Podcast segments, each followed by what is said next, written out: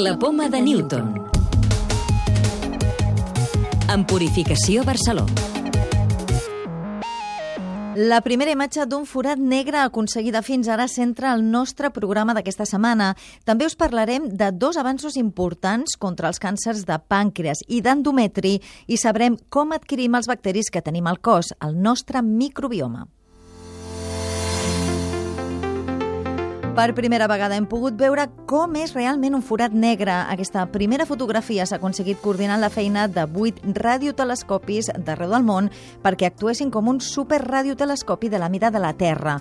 Després s'han analitzat les imatges amb un complex algoritme matemàtic. Com a resultat, s'ha obtingut la foto de la zona que delimita un forat negre situat a uns 50 milions d'anys llum de la Terra i que té una massa 6.000 milions més gran que la del nostre Sol.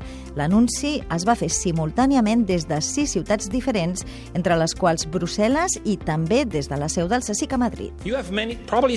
Probablement heu vist moltes imatges de forats negres abans, però totes, totes eren simulacions o reproduccions, i per això és fantàstic, perquè ara ja és una realitat. El que esteu veient és literalment un anell de foc. What you're looking at actually looks like a ring of fire.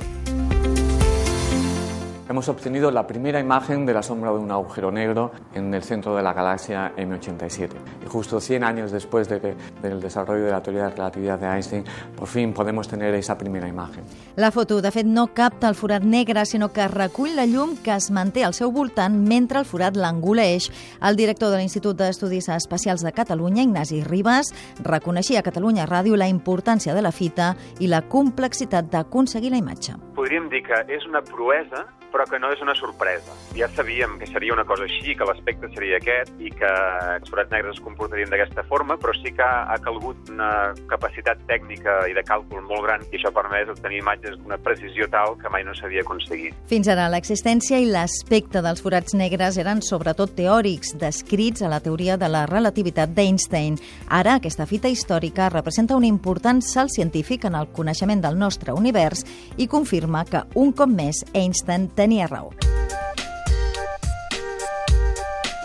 Més coses. Primer tractament que aconsegueix eliminar completament el càncer de pàncreas en ratolins. El fàrmac l'han desenvolupat investigadors del Centre Nacional d'Investigacions Oncològiques dirigits per Mariano Barbacid.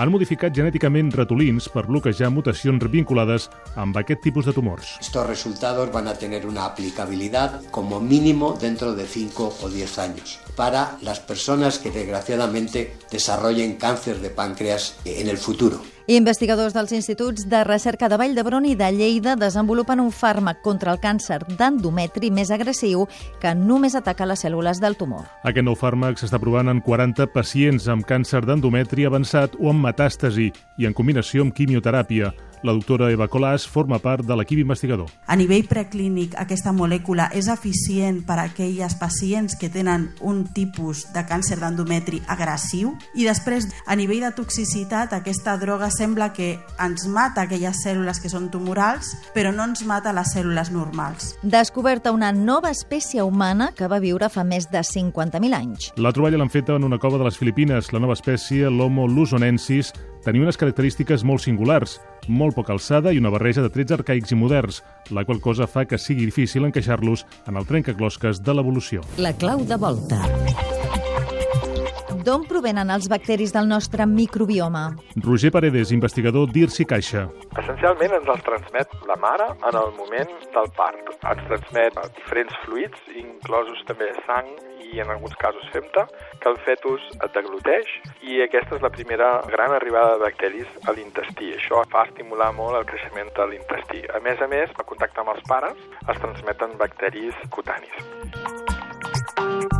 Recordeu que ja podeu descarregar-vos el podcast de la Poma de Newton o subscriure-us al programa per rebre'l directament als vostres dispositius.